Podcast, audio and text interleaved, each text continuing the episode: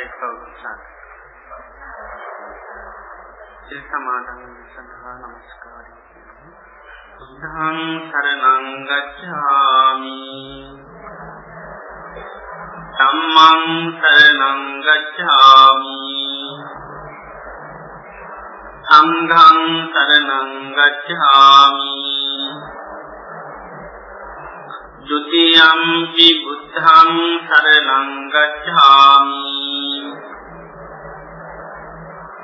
සුද්ධියම්පි ධම්මං සරණං ගච්ඡාමි සුද්ධියම්පි සංඝං සරණං ගච්ඡාමි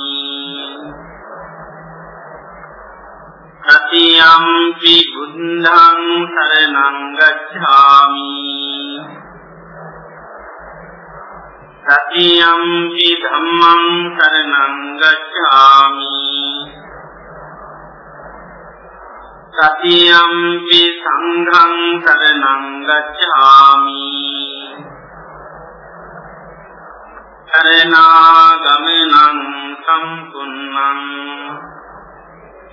වානාතිපාතා වේරමණී සික්ඛාපදං සමාදියාමි.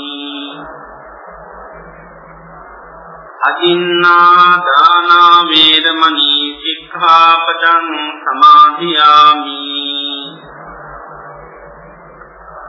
කාමේසු මිච්ඡාචාරා වේරමණී සික්ඛාපදං සමාදියාමි. සුසාවාදා වේරමණී සික්ඛාපදං සමාදියාමි. රාමීරය මච්චේ පමාදත්තානා වේරමණී සික්ඛාපදං සමාදියාමි. ඉතරණේන සත්‍යින් පංච සීලං ධම්මං සාදුකං සුරක්ෂිතං කତ୍වා අපමාදීන සම්පාදී සම්භං නමෝ තස්ස භගවතු වරහතු සම්මා සම්බුද්දස්ස. නමෝ තස්ස භගවතු වරහතු සම්මා සම්බුද්දස්ස. නමෝ තස්ස භගවතු වරහතු සම්මා සම්බුද්දස්ස. සදාවන් ඉන්නතුනි සෝත්‍රා භාග්‍යවත් සම්මා සම්බුදුරජාණන් වහන්සේ දේශනා කළා තියෙනවා. අංගුත්තර නිකායේ හයවෙනි කොටසේ ආවරණ කියලා දේශනාවක්. ආවරණ කියන්නේ වැහිලා තියෙනවා කියන්නේ. එයිමි වික්‍රේ ධම්මේහි ආවරණේහි ධම්මේ සමන්නාගතෝ සුරන්තෝපි සද්ධම්මු අබබ්බෝ නියාමං ඔක්කමසින් කුසලේසු ධම්මේසු කියලා. මහන්නි කරුණු හයකින් කෙනෙකුගේ හිතක් වහිලා තියෙනවා නම් ආන්‍යයට කොච්චර වනහුවත් මේ ආර්ය න්‍යායට ආර්ය මාර්ගයට ප්‍රවේශ වෙන්න බෑ කියනවා. සල ධර්මයන් තුලින් ආර්ය මාර්ගයට ප්‍රවේශ වෙන්න බෑ කියනවා කරුණු හයකින් වැහැලා ඉන්නවා නම්. ආර්ය අෂ්ටාංග මාර්ගයට ආර්ය මාර්ගයේ තමයි මේ සම්මත්ත න්‍යාමය කියලා කියන්නේ. ඒතර මේ ආර්ය න්‍යායයට කෙනෙකුට ප්‍රවේශ වෙන්න පුළුවන්කමක් නැහැ නැත්නම් ආර්ය න්‍යාය අවබෝධ කරගන්න පුළුවන්කමක් නැහැ. කරුණු හයකින් ජීවිතේ වැහිලා තියෙනවා නම්. ඒතර මේ ආර්ය මාර්ගයේ යුක්තයිට බුදුජානනාංශ දේශනා කරන්නේ දිට්ඨි සම්පන්නයි කියලා. දිට්ඨි සම්පන්නයි කියලා කියනවා. සම්මා දිට්ඨියෙන් යුක්තයි. ඉතින් මේ සම්මාදිට්ඨිය යුක්ත අයට ලෝකේ නිතරම යථාර්ථය කියනක අවබෝධ කරගන්න දැනගන්න හැකියාව තියෙනවා. ජීවිතේ පිළිබඳව යම් කුරුල් අවබෝධයක් තියෙනවා. ඒ අවබෝධය තියෙන නිසාම තමයි කෙනෙක් කාර්ය මාර්ගයේ ප්‍රවේශ වෙනකොටම සමාන්ත තිබෙන දුක් වලින් විශාල ප්‍රමාණයක් එයා නැති කරනවා. උපමාවකට බුදුරජාණන් වහන්සේ පෙන්නන්නේ මහ පොළොව තරම් දුකඩක් මිනිස්සුෙකුට තියෙනවා. මහ පොළොව තරම් සාල ප්‍රමාණ දුක් රැස් තියෙනවා. ඉතින් මහ පොළොවෙන් බුදුරජාණන් වහන්සේ පස් ටිකක් අයින් කරලා පස් ගුලි හතක් නෙල්ලිගිරි තරම් වගේ පස් ගුලි හතක් අයින් කරලා අහනවා මේ මහ පොළොවේ තියෙන පස්ස වැඩි වෙන් කරපු පස් ටිකද? එතකොට විසුණුහන්තර පිළිතුරු දෙනවා ස්වාමීනි මේ මහ පොළොවේ තියෙන පස් දිහා බලුවා මේ අයින් කරපු පස් ගැන පේන්නවත් නැති බොහොම පොඩ්ඩක් කොටස් කරන්න බෙදන්න පුළුවන්කම නැහැ. ඊටාම සුළු ප්‍රමාණයක් තමයි තියෙන්නේ. නම් මහ පොළොවේ අප්‍රමාණ පස් ගොඩක් තියෙනවා. බුදුරජාණන් වහන්සේ දේශනා කරන යමෙක් මේ සම්මා දිට්ඨියට පැමිණීමත් සමගම එහෙම නැත්නම් මේ ආර්ය මාර්ගයට ප්‍රවේශ වීමත් සමගම එයාගේ ජීවිතේ තියෙන දුක්වල මහ පොළොව තරම් දුක් ප්‍රමාණයක් එයා නැති කරගන්නවා. මහ පොළොව තරම් දුක් ප්‍රමාණයක් එයාගෙන් නැති වෙලා යනවා. ඉතුරු වෙන්නේ අර වෙන් කරගත්ත පස්තික වගේ බොහොම සුළු ප්‍රමාණයක්. ආත්ම හතකදී එයාට විඳින්න තියෙන ඉතාම සුළු ප්‍රමාණයේ දුක් ටිකක්. ඒක තමයි යාකට සම්මා දිට්ඨිය කියන එක කියනවා. ඒතර ජීවිතයේ දෙයක් නිරන්තරයෙන්ම මේ දුක කියන එක හට ගන්නකොට යාට නිතරම සම්මා දිට්ඨිය දිනෙන්දා එයාට මේ දුක්ඛේ ඥානය කියන එක කියනවා. ඊළඟට දුක්ඛ සමුදය ඥානය කියනවා. දුක්ඛ නිරෝධේ ඥානයක් කියනවා. දුක්ඛ නිරෝධ ගාමිනී පටිපදා පිළිබඳ ඥානය තියෙනවා. මේ සතරාර්ථය පිළිබඳ ඒ අවබෝධ ඥානය තියෙන නිසා යා ජීවිතයේ දුක කියන එක සකස් කර ගැනීම හරියට. අපි බාහිර ලෝකේ නිතරම මේ දුක් නිමිති සැකසෙනකොට ඒව හට ගන්නකොට අපේ මනසින් මොකද කරන්නේ ඒව නිතරම නිර්මාණය කරගන්න. නිතරම නිර්මාණය කරගන්න. ඒතර සමාධියේ යුක්ත පුජ්‍යලයා ඒ විදිහට නිර්මාණ කරගන්න යන්නේ නැහැ. එයා නිතරම මේ හේතුඵල ධර්ම මේ ආර්ය න්‍යාය මේ හැම දේ පිළිබඳව හොඳ අවබෝධයක් තියෙනවා. අනේ අවබෝධය නිසා යා ජීවිතයේ දුක කියන එක නිර්මාණය කරගන්න යන්නේ නැහැ. නැත්නම් සෝතාපන්න වෙනකොට සාමාන්‍ය ජීවිතයේ තියෙන දුක් ටික එහෙමම තියෙනවා. ඒක නැති වෙන්නේ නැහැ. ඒකයි. දැන් අපි ගත්තොත් එimhe අපිට යම් ප්‍රමාණයක දැන් ජීවිතේ ප්‍රශ්න කරදර දුක් තියෙනවා නම් දැන් මේක සෝතාපන්න වුණොත් මොකද වෙන්නේ? ඒවා එහෙමම තියෙනවා. අපේ මනසේ නිර්මාණය කරගන්නේ ගතිය අඩුයි. මොකද දෙයක් හටගන්නකොට ඒ යථාර්ථය අපිට අවබෝධ වෙනවා. දැන් බුද්ධඥාන වහන්සේ වෙන්නන්නේ දුකේ විපාක දෙකක් තියෙනවා. ඒ තමයි සම්මෝහ වේපක්ක සහ පරිේහිත වේපක්ක. සම්මෝහ වේපක්ක කියන්නේ දුක හටගත්තාම මොකද වෙන්නේ? මුලාවටපත් වෙනවා. දුක හටගත්තාම මුලාවටපත් වෙනවා. සාමාන්‍ය ජීවිතය කියන්නේ මට මේකට කරන්න දෙයක් මට තේරෙන්නේ නැහැ. ප්‍රශ්නාපමිනුත් කියන්නේ මට තේරෙන්නේ මේකට මොකද්ද කරන්නේ කියලා. එතකොට ඒ වගේ මුලාවීමක් මේ දුක කට කෙනෙක් අවතීර්ණ වුණාම පත් වෙනවා. අනිත් එක තමයි පරියටි දේවපක් කියන්නේ බහැරින් අපි නිතරම පිළිතරන හොයන. බාහිරින් නිතරම කියකනාගෙන අහනවා මේකට මොකද්ද කරන්නේ කියලා. ඒ මොකද අපි දුක් හටගන්නේ මොන හේතුවද කියලා දන්නේ. ඒ නිසා හේතුව දන්නේ නැති හින්දා මොකද වෙන්නේ නිරන්තරයෙන්ම අනුන්තයෙන් අහන්න සිද්ධ වෙනවා. ඒ වගේ මේක නැතිවීම නැති කරන ක්‍රමයක් දන්නේ නැහැ. ඒ නිසා නිතරම අර පරියටි දේවපක් කියන එකයි අන් අයගේ නිතරම අහන්න සිද්ධ වෙනවා. ඒ නිසා මේ කෙනෙක් දුකකටපත් වුණා මේ විපාක දෙකකට ලක් වෙනවා. දැන් සෝතාපන්නයි එහෙම ස්වභාවයකපත් වෙන්නේ නැහැ. එයාට විතරම කියන එකට කියන අපරප්පච්චේ ඥානයි කියලා. අපරප්පච්චේ කියන්නේ අනුන්ගෙන් අහන්න ඕනේ නැහැ. තමන්ම ස්වයදීම දන්නවා දුකක් හටගත්තොත් ඒක දුකක් කියලා දන්නවා. දුක හටගත්ත හේතුවක් දන්නවා. නැති කිරීමක් දන්නවා. නැති කරන ක්‍රමය දන්නවා. අන්න ඒ නිසා එයාට තව තවත් කාගෙන්වත් අහන්න අවශ්‍යතාවයක් නැහැ.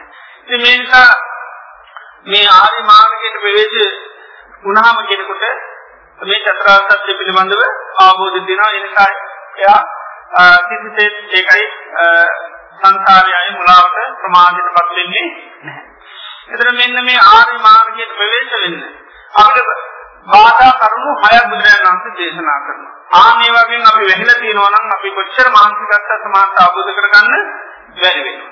ඒවෙන් අපේ සිත විරුද්ධ වෙන්න ඕනේ. ඒවට ආවර්ණ ධර්ම කියලා කියන්නේ. ඒවෙන් වෙන්න තිබුණොත් යම් විදිහකින් අපි මානසිකත්වය කියලා අවබෝධ කරගන්න පුළුවන්කම නැහැ. එතන බුදුරජාණන් වහන්සේ ආවර්ණ ධර්ම හැටියට දේශනා කරන්නේ සම්මාවරණේන සමන්නාගතු. ධර්මයෙන් මෙහිලන. ඊළඟට ක්ලේශාවරණේන සමන්නාගතු. ඒ වගේම ක්ලේශයන්ගෙන් ආවර්ණ වෙලා. ඒ වගේම විපාකාවරණේ විපාකයෙන් මෙහිලා තියෙනවා.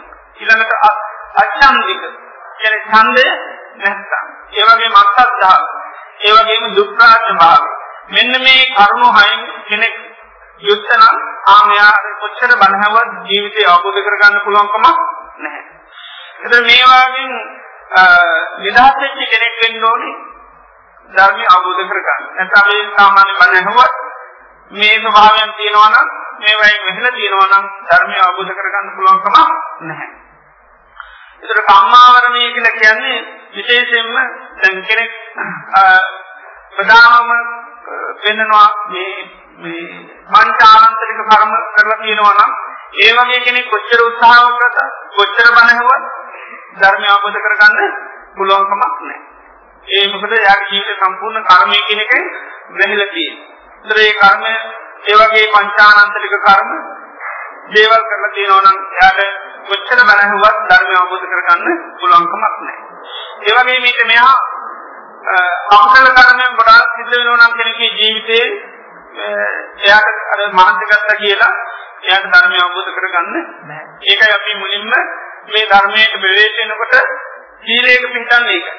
ඒ වගේ ඉන්ද්‍රිය සංවරය කියන එක ඇති කරගන්නේ ඒකයි. මේ සීලයක පිටලා මේ ඉන්ද්‍රිය සංවරය ඇති කරගෙන මේ ප්‍රතිපදාව ගමන් කරන්නේ ඒකයි. මොකද මේ කෙලෙස් ඒක එහෙම නැත්නම් මේ වැරදි කර කර අපි කොච්චර භාවනා කරත් පුළුවන්කමක් නැහැ. දැන් සමහර අය වර්තමානයේ මෙතන දැන් භාවනා කරන්නේම සීලයක් අවශ්‍ය නැහැ. මොකද සමහර කෙනෙක් කියන්නේ සෝතාපන්න වුණාම සෝතාපන්න අය පංච සීලය කරනවා කියලා සමහරලාට කියනවා. නමුත් සෝතාපන්න අයට ආර්ය කාන්ත සීලෙ පිළිදෙනවා. ඒකට ඒ පංච සීලය කඩන්නේ නැහැ. එහෙනම් මේ පංච සීලය පිළිදන්නේ නැතු එකයි සෝතාපන්න වෙන්න පුළුවන්කමක් නැහැ. අනිවාර්යෙන් ඒක පිළිපිදු වෙන්න ඕනේ. ඒ ඒ සීලේ පිළිපිදු වෙන ධර්මද තමයි යාට මේ ධර්මයේ විරුද්ධ වෙන්නේ. ඒතර සීලෙන් අපිරිසුදු වෙන්න වෙන්න මොකද වෙන්නේ? අපි කොච්චර සමානලාට භාවනා කර බණ හැව සමානලාට අවබෝධ කරගන්න බෑ. දැන් බුදුරජාණන් වහන්සේ කාලේ හිටිය සරකාණි කියලා සාක්‍ය.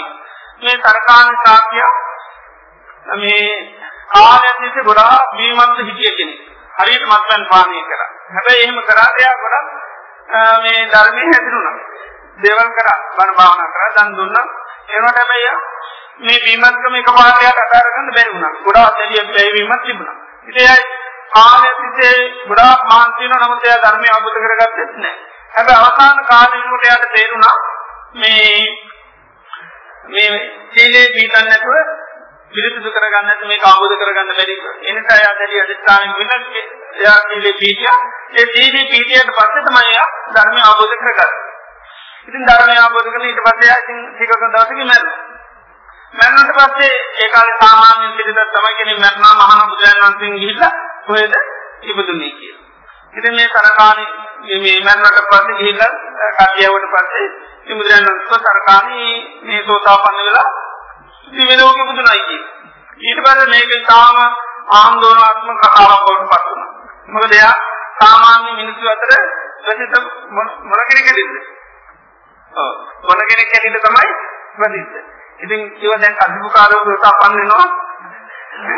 ඉතින් ඒ නිසා මේ දැන් ඉතින් කවුද සෝතාපන්න වෙන්නේ කියලා මේ වගේ කතාවක් කියනවා.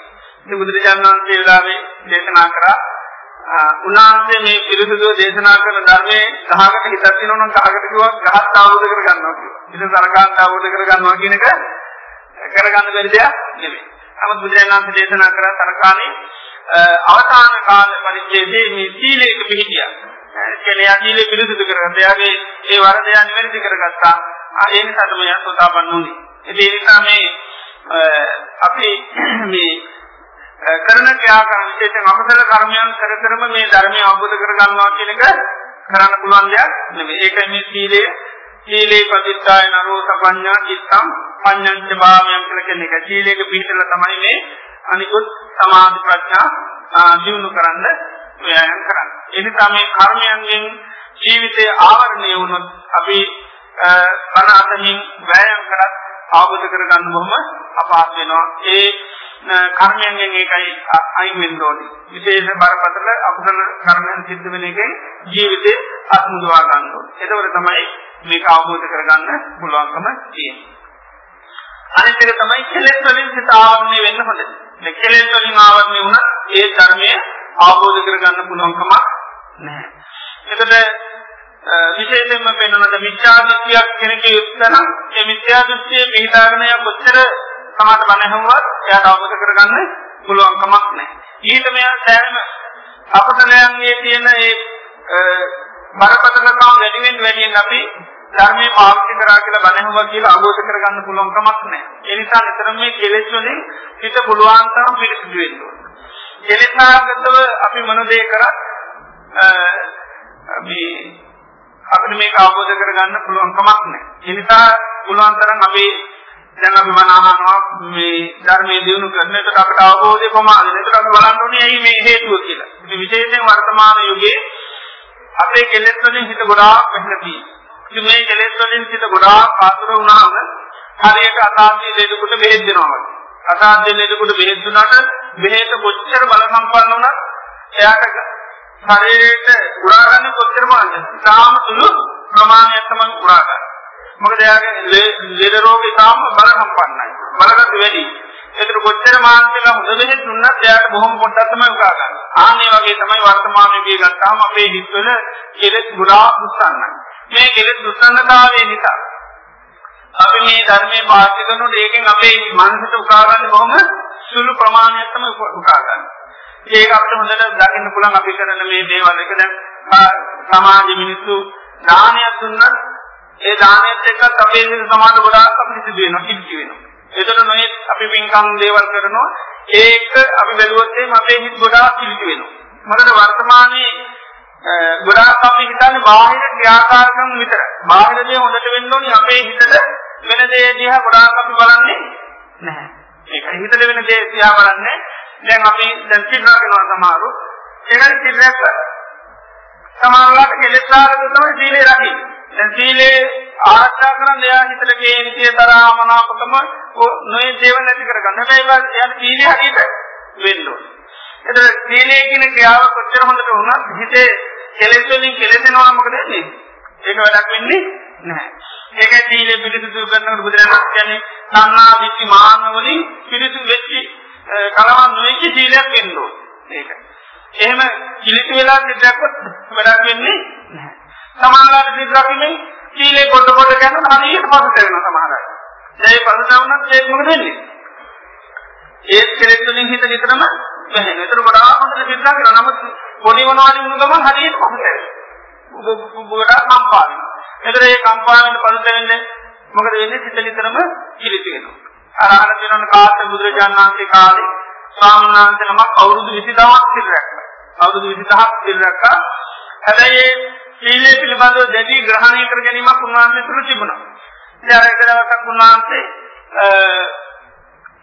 මේ ගඟෙන් එතර වෙන්න ඔරුවකට නග නගනකොට ගහක් අත්තක් අල්ලගෙන තමයි නැහැ. එතකොට ඔරුව නගනකොට මොකද වෙන්නේ? එතන ගේතට අර ගහෙන් කොළ ටිකක් අතට ආවා. දැන් සාමාන්‍යයෙන් විනය සිතාපදයක් තමයි ස්වාමීන් වහන්සේලාට ගස්වලන් වල මොල කඩන්න අහනවා. ඉතින් මේ ස්වාමීන් වහන්සේට මේ සිද්ධිය වුණා. වුණාට පස්සේ මොකද උනේ? මේ ගැන ගොඩාක් කම්පා වුණා. පසුත වෙන්න පටන් ගත්තා. දැන් පසුත වෙන්න දෙන්න මොකද වෙන්නේ? ඒක නීවරණයක් නේ. ඒක නීවරණ ධර්ම. ඒතර මොකද උනේ? හිත සම්පූර්ණ එකේ ගහුණා. ඒතර ඒ ජීවිතේ මාර්ගඵල මුකුත් ලබා ගන්න බැරි වුණා. අඩුම ගානේ සුගතියකටවත් යන්න බැරි වුණා. නමුත් අවුරුදු 20000 සිල් රැකලා තියෙනවා. අවුරුදු 20000 සිල් රැකලා තියෙනවා. ඒ සිල් රැකකට මොකද උනේ? අර සීල උපාදාන කරගෙන තිබුණේ. ඒ ඒ නිසා තමයි අර සීල පොඩ්ඩක් අපිට දුන්නාට පස්සේ මොකද ඒ ගැන හරියට පසුතැවෙන්න පටන් ගත්තා. ඒකයි කෙලෙසාරද තමයි සිල් රැකලා තියෙන්නේ. සීලේ ඒකයි. එතකොට ඒක සමහරවල් දේශයෙන් දෙන්නේ අර මනුස්සයෙක් දෙක්ක. නේද? මේ මේ මනුස්ස ඉක්මනට ඇද්දෙන් තමයි මගේ මට පොල් ටිකක් හැදුනේ. නැත්තම් මේක වෙන්නේ නැහැ. ඒ විදිහට මේ ආකාරයේ සිතුවිලිත් එක්ක මොකද දුන්නේ අර සිතා පිළිසුදු වුණා. එතකොට මේ සීලේ රැක්කත් එක යට ඒ තුنين ජීවිත ආબોධය කරා යන්න බැරි වුණා. එතකොට ඒ වගේ කරන ක්‍රියාකාරකම් එක මේ කෙලෙස් මිත්‍ර වුණොත් නිතරම මොකද වෙන්නේ ක්‍රියාව බාර වෙනවා. එතකොට අපිට අර ජීවිත අවබෝධයට පුළුවන් කමක් නැහැ. ඒ නිසා වර්තමානයේ අපි ගන්න කොට අපි දේවල් කරනකොට අපේ හිත කෙලෙසෙනවා. ඉතින් මේ කෙලෙස් වලින් කෙලෙසෙනකොට අපි මෙච්චර මහන්සි ගත්ත ඊට පස්සේ ධර්මය අවබෝධ කරගන්න බැහැ. ඒ නිසා අපි බාහිර ක්‍රියාවක් කරන ගමන්ම හොඳට ආධ්‍යාත්මීය දිහා බලන්න ඕනේ. මම මොන හිතකින්ද කරන්නේ? මම මේ දේ කරොත් මගේ හිතට මොකද්ද වෙන්නේ? හොඳට හිත පිළිබඳව විමසීමෙන්ම කරන්න ඕනේ. එහෙම විමසීමෙන් තොරව කරොත් ක්‍රියාව විතර මුණාට වැඩ නෑ. ඒක ක්‍රියාව සමාන ලොකුවට සිද්ධ වෙනවා. නමුත් හිතේ ගොඩාක් කෙලෙස් තියෙනවා නම් ඒකෙන් ලැබෙන ප්‍රතිඵලය ආවමයි. විශේෂයෙන්ම ධර්ම අවබෝධ කරගන්න පුළුවන්කම නෑ. ඒ නිසා මේ හිත ඒකයි කෙලෙස් වලින් බොහොම පරිස්සම් කරගන්න ඕනේ. ඒක කෙලෙස්යන්ට මේ ඉර දෙන්න හොඳ නෑ. මොකද දැන් සෝතාපන්න වුණොත් සෝතාපන්න අයගේ ජීවිතේ නිතරම ක්ලේශයන්ගේ ලාමක ස්වභාවයන් ඔක්කොම නැති කරලා තියෙනවා. අපායগামী තත්ත්වය නැති කරලා තියෙනවා. දැන් සෝතාපන්න කෙනෙකුට විශේෂයෙන් ප්‍රධාන ක්ලේශ මූල මොනවද? රාග දේශ මොහ. බුදුරජාණන් දේශනා කරන සෝතාපන්න වෙනකොට රාගයේ සපායගාමී තත්ත්වය නැති කරලා තියෙනවා. දේශයේ සපායගාමී තත්ත්වය නැති කරලා තියෙනවා. මොහේ සපායගාමී තත්ත්වය නැති කරලා තියෙනවා. ඒක රාග දේශ මොහ ඊළඟට තවත් යම්තා ක්ලේශයන් තියෙනෝනේ කිසිම ක්ලේශයක් නිසා එයා පායන තත්ත්වයටපත් වෙන්නේ නැහැ. ඒ අපායට යන තත්ත්වයටපත් වෙන්නේ මොකද ඒ වගේ තියෙන අර අපායগামী තත්ත්වයක් අයින් කරලා තියෙනවා. ඒකයි. එතන කිසිම ක්ලේශයක් නිසා එයා අපාය මේක සෝතාපන්න වෙනකොටම සතර අපාය නිදහස් කියන්නේ ඒක. සතර අපාය නිදහස් කියන්නේ ඒකයි. එතකොට ඒකයි සෝතාපන්න ප්‍රතිපදාව වෙන අයත් ඒකයි පුළුවන් තරම් හිතේ ඒකයි කෙලෙස් ස්වභාවයෙන් අඩු කර ගන්න. ඒ අඩු කරන තරමට තමයි අපිට මේ ධර්මය අවබෝධ කර ගන්න පුළුවන් වෙන්නේ. නැත්නම් පොඩියෝ ක්ලේශයක් තිබ්බොත් මොකද වෙන්නේ? ඒකෙන් සම්පූර්ණ වහල දානවා. ඊළ මාර්ගඵල වුණත් එහෙමයි. දැන් දවසක් සරියුත් මහ රහතන් වහන්සේ ළඟට මේ අනුරුද්ධ ස්වාමීන් වහන්සේ පැමිණලා මතක් කරා ස්වාමීනි මට දහසක් ලෝක ධාතු බලන්න පුළුවන්. දහසක් ලෝක ධාතු බලන්න පුළුවන්. මට වීර්යය හොඳට තියෙනවා මාකට වීර්යය තියෙනවා. ස්වාමීනි ඒ වුණාට මම කොච්චර භාවනා කරලා සහත් වෙන්නේ නැහැ කියලා කිව්වා.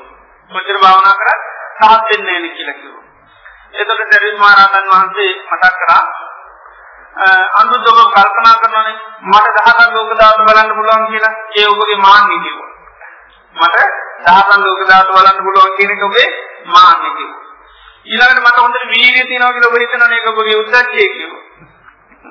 ඊළඟට මේ මේ අනේ වුණාට මම භාවනා කරලා rahat වෙන්නේ නේ ඒ ඔබගේ කුක්කුච්චේ කිව්වා. ඒ නිසා ඔයගෙන හිතන්නේ නැතුව භාවනා කරන්න කිව්වා. ඒතර භාවනාර කෙලෙස් වලින් දැන් ඒ වෙනකොට අනාගාමී. ඒතර අනුදුසානද ඒ වෙනකොට තනාගාම. බලන්න ඒ වෙලාවෙත් ඒකයි අර මොනියම් හෝ ක්ලේශයකින් හිත වැවුනොත් ඉතිරි මාර්ගවල ලැබෙන්නේ නැහැ. ඒක ඒකයි මම ඒතර ගොඩාක් මාන්තිය නැත්නම් ඒකන වීර්ය ගොඩාක් දිනු කරන. ඒතර පේන පුදුමාකාර බල සම්පන්න වීර්යයක් තියෙනවා. ඒ අවබෝධ වෙන්නේ නෑ. මොකද හේතුව? අර කෙලෙස් වලින් හිත වෙහිලා. මාන්නෙන් වෙහිලා, උද්දච්චයෙන් වෙහිලා, ඊළඟට විචිකිච්ඡාවෙන් මේ උද්ද කුක්කුච්චේ වෙහිලා විචිකිච්ඡාවෙන් කුක්කුච්චේ වෙහිලා. ඉතින් ඒ විදිහට ඒකයි ඒ කෙලෙස් හරි බල සම්පන්න. ඒ යම් කෙලෙස්කින් අපේ හිත වැහුනොත් අපිට පුළුවන්කම නෑ. ඒ නිසා ධර්ම මාර්ගය යනකොට ඒක මේ කෙලෙස් වලින් ගොඩාක් පරිස්සම් වෙන්න ඕනේ. අපිට දැන් ධර්මයේ ටික ටික ගමන් කරන ප්‍රධාන පින්ම මා විශේෂයෙන් සමාරයි අභිමානී කියන එක පිළිදෙනවා. ඒ අභිමානයට බෙරුණොත් ආයි කොච්චර දේවල් කරත් අවබෝධ කරගන්න නැහැ. අභිමානී කියන එක දන්නවද? මොකක්ද අභිමානී කියන්නේ? එන්නද?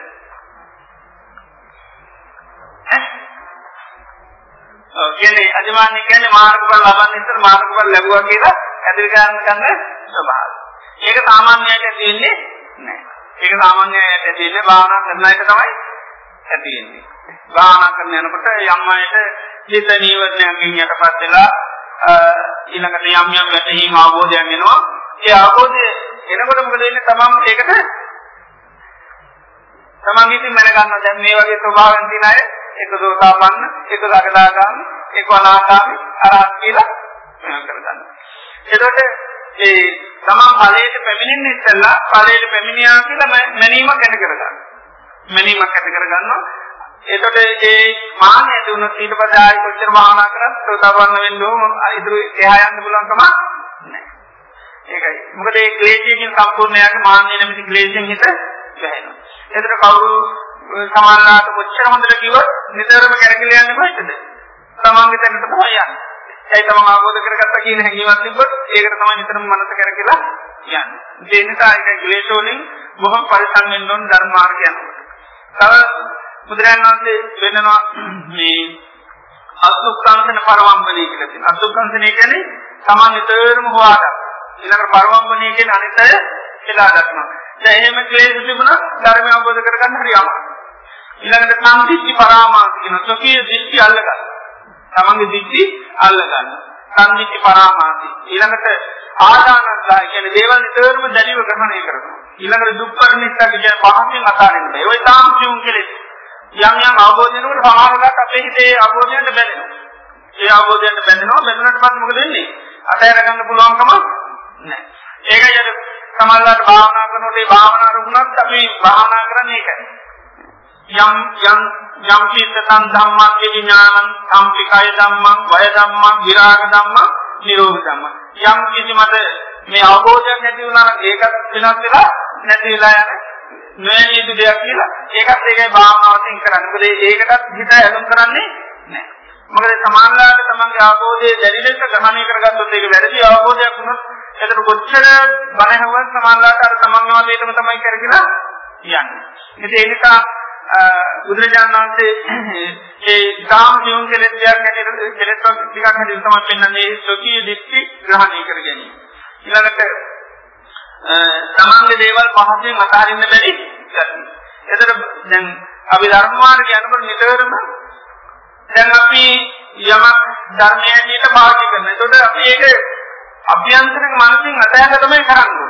ඒ කියන්නේ අපි දැන් කරගෙන යන භාවනාව හෝ අපිට තියෙන වැඩිම කවුරු හරි කරුණු සහිතව වැඩි කිව්වොත් එදාට මම මේක අතහැරියා. ආ මෙහෙම මානසිකත්වකින් තමයි කරන්නේ.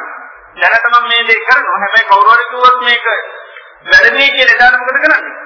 එදාට මම මේක අතහැරලා දානවා. ඉතින් ඒ වගේ මානසිකත්වයක ඉඳගෙන තමයි කරන්නේ. ඒකෝට තමයි අර අපිට පිළිසුදුව පිළිසුදුව ධර්ම එනකොට අර දුබලතාවයෙන් අපි අතහැරලා යන්න පුළුවන්. නැත්නම් මොකද වෙන්නේ නිතරම තමන්ගේ මතයේ හිත කර කර කියනකොට ඒ ස්වභාවයෙන් හිත නිතරම වැහිලා යනවා. එතකොට අර පිළිසුදු ධර්ම අපිට කොච්චර හවත් ඒකයි අවබෝධ කරගන්න බැරි වෙනවා. ඒ නිසා නිතරම මේ කෙලෙස් වලින් හිත වහන දානවා. ඒ වහන ස්වභාවය අපි නිතරම කෙලෙස් වල තියෙන ආදීන ස්වභාවයෙන් දැකලා කෙලෙස් හඳුනාගෙන නිතරම මේකෙන් අයින් කර ගන්නවා. එතකොට සිත කෙලෙස් වලින් පිරිසිදු වෙන්න වෙන්න තමයි අවබෝධය කියන එක ඇති කර ගන්න පුළුවන් වෙන්නේ. ඒකයි සෝතාපන්න වෙනකොට ඒ සෑම ක්ලේශයකම මරපතල ස්වභාවය නැති වෙනවා. මොකද මේ මාර්ගය යනකොට එයා ඒ කෙලෙස් වලට එන්න දෙන්නේ නැහැ. ඒ කෙලෙස්යන් හඳුනගන්න නිතරම ඒවා ප්‍රහාණය කරන්න තමයි ප්‍රතිපදාව යන්නේ.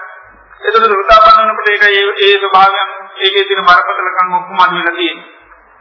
ඒ නිසා බුදුරජාණන් වහන්සේ පෙන්වන්නේ ක්ලේශයනොත් අපේ මේ ධර්මාභෝධික විශාල බාධාවක් වෙනවා. ඒ නිසා නිතර මනස දිහා බලලා ක්ලේශයන් හඳුනාගෙන ඒ ක්ලේශයන්ගෙන් හිත අයින් කර ගන්න ඕනේ. ඒ නිසා කෙලෙසාගතව බුදු සාසනය අපි කොච්චර දේවල් කරත් ඒවයි නිසි ඵල විපාකන වෙන්නේ නැහැ. දානය දෙනකොට උනත් ඒකයි. ඒක කෙලෙසාගතව කරොත් එහෙම ඒක විපාක බොහොම අඩු වෙනවා. බොහොම අවම විපාක ලැබෙනවා. සීලය රකින්නකොට උනත් එහෙමයි. භාවනා කරනකොට උනත් එහෙමයි. ඒ වගේ සාගතව කෙලෙස් මිශ්‍ර වෙලා කරොත් ඒ වයින් ලැබෙන විපාකේ බොහොම අවම වෙනවා. ඊළඟට ආවරණ ධර්මයේ තමයි විපාක ආවරණය. විපාක වලින් කෙනෙකුගේ ජීවිතේ වැළලා තියෙනවා නම් ඒ කොච්චර බණහවත් අවබෝධ කරගන්න පුළුවන්කමක් නැහැ. විපාක වලින් ජීවිතේ මෙවලා තියෙනවා. දැන් සමහර අයට උපදින්ම නොයේ ආකාර කාම විපාක තියෙනවා. ඒ කර්ම විපාක තියෙනකොට සමහර අයට ඒ කර්ම විපාක හේතුයෙන් එයාට ජීවිත අවබෝධ කරගන්න පුළුවන් කමක් නැහැ. දැන් විශේෂයෙන් අඳගොළු බීරි වගේ වගේ අභව්‍ය ජීවිත ලැබුවාම එයාට බොහොම අපාර්ථී ධර්මය අවබෝධ කරගන්න. ඒ වගේම තවත් ඒකාකාරී විපාක මිනිසයන්ට තියෙනවා. ඒ ගොඩාක් විපාක වලින් මිනිසුන්ගේ ජීවිත ගැහිලා නම් ඒ එයාට ධර්මයක් කරයින් හරි අමාරුයි. මොකද විනාශයෙන්ම විපාක වලින් එයාගේ ජීවිතය වහලා දානවා. ඒ නිසා මේ විපාක විපාකය කර්ම විපාක කියන එක මේ ධර්මය අවබෝධ කරගන්න කෙනෙකුට අපහසු දෙයක්. ඉතින් සමහර අයට කර්ම විපාක තිබුණත් හැබැයි ප්‍රඥාව ගොඩාක් තියෙනවා. ආ මේ අය මොකද කරන්නේ කර්ම විපාක පිළිබඳව එකකේ කැලෙන්නේ නැතුව කම්පා වෙන්නේ නැතුව ඒකේ අවබෝධ කරගන්න. දැන් වර්තමාන යුගයේ ගොඩාක් අපිට තියෙන ප්‍රශ්නයෙන් අපි දැන් මේ විපාක වාර වෙනකොට හරියට පසුතැවෙනවනේ. අනේ මගේ පිට කර්ම කර්ම කීකම් දෙන්නේ. අපි ගොඩාක් පසුතැවෙනවා. ඒක දැන් අපි ගොඩාක් ඔය ගොඩාක් කාර්යයක් දෙද්දී අසනීපකම් තියන අය ඉන්නවා. ඒතර ඒ අසනීපකම් තියන අය විශේෂයෙන්ම පිළිගන්නවා ඒකට මගේ මේක පෙර කර්මයක් කියලා පිළිගන්නවා. හැබැයි ඒ ගැන මොකද්ද වෙන්නේ වෙන්නේ? පසුතැවීම තමයි කරන්නේ. හරියට පසුතැවෙන. ඒකට පසුතැවෙන්න දෙවෙන්න හිත මොකද වෙන්නේ? හිත වෙහෙල යනවා. ඒකට එයාට දැන් ධර්ම අවබෝධ කරගන්න අවස්ථාවක් තියෙනවා. නමුත් එයාට ඒක කරගන්න බෑ මොකද එයා අනේ මේ ඒ විභාගෙට වෙහිලා යා කියන්නේ අනේ මට දානයක් දෙන්න විදියක් නැහැ සීලය රකින්න කොහෙවත් යන්න විදියක් නැහැ. ඉතින් ඒ විදිහට ගියේ කියලා ඉන්නවා. නමුත් තමන්ට ඇදේ ඉඳගෙන ගොඩාක් දේවල් කරගන්න පුළුවන්. අනිත් අයටත් වැඩි ලොකු chance එකක් ලැබෙලා තියෙනවා. නමුත් ඒක තේරෙන්නේ නැහැ. ඒකයි. අර විභාගයෙන් එයාගේ ජීවිතේ වෙහිලා යනවා. නමුත් අනිත් අයට වැඩි සමාන හොඳට හිත වැඩ කරනවා නම් තියෙනවන තියෙනවනේ ඉතින් යාට ඕන තරම් මුළු දවසම භාවනා කරගන්න පුළුවන්. ඒකට තමන්ට ලැබිලා තියෙන විපතම එයාට ජීවිත අවබෝධ කරගන්න ප්‍රශ්නයක් නැහැ. නමුත් බොහෝ දුරට අර විපාකෙන් මොකද වෙන්නේ ගොඩාක් අය යට වෙනවා. මේක ප්‍රඥාව නැතුන විපාකෙන් යට වෙනවා. ප්‍රඥාව දිනයින් යට වෙන්නේ යන්නේ නැහැ. දැන් බුදුරජාණන් වහන්සේ කාලේ ඉන්දියා ලෝකක කියලා සාමනක් නම. උන්වහන්සේ මේ උපතේ ඉඳලම හරියට බඩ පිරෙන්න කෑම ලැබෙන්නේ නැහැ. ඉතින් පොඩි කාලේම අම්මා අතෑරලා යනවා. මොකද අම්මා අම්මට මෙයා ඉඳ ලැබෙන්නේ නැහැ. ඉතින් ඊට පස්සේ වීදි දරුවෙක් වෙලා ඉන්න කාලේ දරුවෙක් මහරහතන් වහන්සේ කියලා පැවිදි කළා. පැවිදි කළා හැබැයි කොච්චර සද්ධාවන්ත ගෙදරකට ගියත් දාන ලැබෙන්නේ නැහැ. ඒ තරමට අර කර්මයේ එයාගේ බල සම්පන්නයි. දැන් සමහර අය එහෙම නැහැ. තවත් කින් කියන කෙනෙක් ඇසුරු කරොත් එයාගෙන් තේපල යන්න පුළුවන්. මෙයාට එහෙම හැකියාවක් නැහැ. දැන් කොච්චර විවාහකාවේ ගෙදරට ගියත් දාන බෙදනකොට මොකද වෙන්නේ? පාත්‍රේ කිල්ල බේල. ඉතින් කවුරුත් බෙදන්නේ ඇයි? හැලෙන හින්දා. හැලෙන හින්දා දාන බෙදන්න යන්නේ නැහැ. ඉතින් ඒ වගේ විශාල විපාකයකින් ජීවිතේ තිබුණා. හැබැයි උන්වහන්සේ ප්‍රඥාව තිබුණින්ද මොකද උනේ? ඒකත් එක්ක මේ වුණේ උන්වහන්සේ වීරිය කරන රහත් වුණා. ඒකයි. දැන් සමහර අයට එහෙම පුළුවන්කම නැහැ. දැන් ගොඩාක් ප්‍රඥාව වරුණ මොකද වෙන්නේ? ඒ ගැනම පසුතවි පසුතවි ඉඳගෙන ජීවිතේ අඳුරටම පත් කරගන්න. දැන් ගොඩාක් අවස්ථාව දෙනවා නමුත් කරගන්නේ නැහැ. ඒ නිසා මේ විපාකාවරණත් මිනිස්සුන්ට හරි ජීවිත අවබෝධයෙන් ලොකු බාධාවක්. ඉතින් වර්තමාන ගොඩාක් අය අපි දකිනවා ඒ විපාක කියන්නේ සමන්ත ජීවිතේ යම් යම් අපතල් විපාක සම්මුඛ වෙලා තියෙනවා. නමුත් ඒකත් එක්ක ජීවිතය යට කරගන්න එක තමයි තියෙන්නේ. ඒක නැගී සිටින්න යන්නේ නැහැ. ඒකත් එක්ක අවබෝධය කරා යන්න හරි පහසුයි. නමුත් යන්නේ නැහැ. දැන් අපි දකින්න ඕන මොකද්ද දැන් අපිටම කර්මයෙන් මොනවද විතර දකින්න ඕන මම මේ දේ කරගත්තේ මොකද නිසාද? කෙලෙස් නිසා. ඒතර අතීතයේ කෙලෙස් පාවිච්චි කරා මේ කෙලෙස් වලට යට වුණා. ඒ නිසා තමයි මේ වගේ විපාක විඳින දේ කරගන්නේ. ඒ නිසා ආයෙත් මේ ජීවිතේ මේ වගේ කෙලෙස් වලට ඉඳෙන්නේ නැහැ. ඒකයි. දැන් අපි අර විපාකයට යට වෙලා නැහැ. මොකද විපාකයේ යට වුණා කියලා ආයෙ හදාගන්න බැහැනේ ගිහින්. නේද? ඒ ගැන පසු දෙවි දෙවි කිය කියලා ආයෙ දැන් ඒක හදාගන්න දෙන්නේ නැහැ. අත් බලන්න ඇයි මම මේ වගේ දෙයකට අවදීන යටුනේ? ඇයි මේ වගේ දෙයක් මගේ ජීවිතේට පැමිණි? මොකද හේතුව පිළිවිමසලා බලන්න ඕනේ. ඒතර හේතුව මොකද්ද? හේතුව තමයි අපේ කෙලෙස් නිසා වෙච්ච ප්‍රශ්නයක්. අන්න ඒකයි. දැන් බුදුරජාණන් වහන්සේ කර්මය ගත්ත කර්මය හටගත්තේ මොකෙන්ද? අපිට කර්මයක් හටගන්නේ මොකෙන්ද? පරිසෙන් තමයි හටගන්නේ. බුදුරජාණන් වහන්සේ කර්මයේ සමුදය තමයි. ඒ කියන්නේ කර්මයක් හටගන්නේ නිතරම ස්පර්ශ වුණා. ස්පර්ශ නොවෙනවනම් කර්ම හටගන්නේ නැහැ. ඒතර කර්මයට හට ගැනීමට හේතුව තමයි ස්පර්ශය. ස්පර්ශය කියන්නේ අපි දැන් ඇහැ රූපය සිත එකතු වුණා නම් තින්නම් සංගති පස්ස පස්සපච්චය මොකද වෙන්නේ? වේදනා. වේදනාපච්චය සනනත යම් වේදේති සංසංජානති යමක් විඳිනවා මේක හඳුන ගන්නවා. යමක් හඳුනගත්තා නම් සංචේතය ඒක තමයි චේතනා කරන්නේ. ඒතර චේතනාව තමයි කර්මය වෙන්නේ. ඒකයි. එතකොට ස්පර්ශ වීම තුළ තමයි ඒක සකස් වෙලා තියෙන්නේ. ස්පර්ශ වීම තුළ තමයි සකස් වෙලා තියෙන්නේ. එතකොට අපි මේ ආධ්‍යාත්මික බාහිර වස්තුන්ට අපි යන්තා වටිනාකම් දෙනවද ඒ තාක්කල් මේ කර්මය කියන එක සකස් වෙන්නේ. කර්මය සකස් වෙන්නේ. එතකොට අපි මේ ආධ්‍යාත්මික බාහිර දේවල් වලට වටිනාකම් දෙන්නේ නැත්නම් අපිට එහෙම සකස් වීමක් වෙන්නේ නැහැ. එතකොට අපි දකින්න ඕනේ මේ ස්පර්ශ වීමෙන් වෙච්ච ප්‍රශ්නයක්. එතකොට ස්පර්ශ වුණා කියන්නේ අපි මේ ආධ්‍යාත්මික බාහිර ආයතනයට වටිනාකම් දුන්නා. ඒ කියන්නේ තමයි මෙතන ස්පර්ශ ප්‍රත්‍යය නිතර මේ කර්මය කියන එක සකස් වෙන්නේ. එතකොට අපි මේ ස්පර්ශය නිසා හටගත්ත දෙයක් කියලා අවබෝධ කරගත්තොත් මොකද අපි නිතරම අර මේ ආධ්‍යාත්මික බාහිර ආයතනයන්ට දීලා තියෙන වටිනාකම් නැති කරනවා. ඒ යම් වෙලාවක නැති වුණොත් ඒක ආයෙ කර්ම සකස් වෙන්නේ නැහැ. ඒ නිසා අපි මේ විපාකයට යට වෙන්නේ නැතුව අපි හේතු විමසලා බලන්න ඕනේ. ඇයි මට මේ වගේ දෙයක් මේ වගකීමක් මේ වගේ දෙයක් සකස් වෙන්නේ? ඒකයි. එතකොට මේ හේතු බලන්න අපිට හේතු හඳුනාගත්තොත් අපි ආයේ වගේ හේතු වලට එන්න දෙන්නේ නැතුව අපේ හිත ආරක්ෂා කරගන්න පුළුවන්. ඒක. ඒ නිසා මේ ඒ වගේ විපාකයන් තියෙනවා ඒක ඒකට යට වෙන්නේ නැතුව ඒක හේතුව හොඳට මෙතන හේතු නැති කරගන්න අපි මාර්ගයට ප්‍රවේශ වෙන්න පුළුවන්කම ලැබෙනවා. ඊළඟට බුදුරජාණන් වහන්සේ දේශනා කරනවා ධර්ම අවබෝධ කරගන්න තියෙන තවත් ආවරණ ධර්මයක් තමයි මේ අත්ද්ධාව කියන එක. අත්ද්ධාව තියෙනවා නම් ධර්මයේ අවබෝධ කරගන්න බෑ. ඒතර ශ්‍රද්ධාව කියන එක අපි දන්නවා නේද? ශ්‍රද්ධාව කියන්නේ මොකද්ද?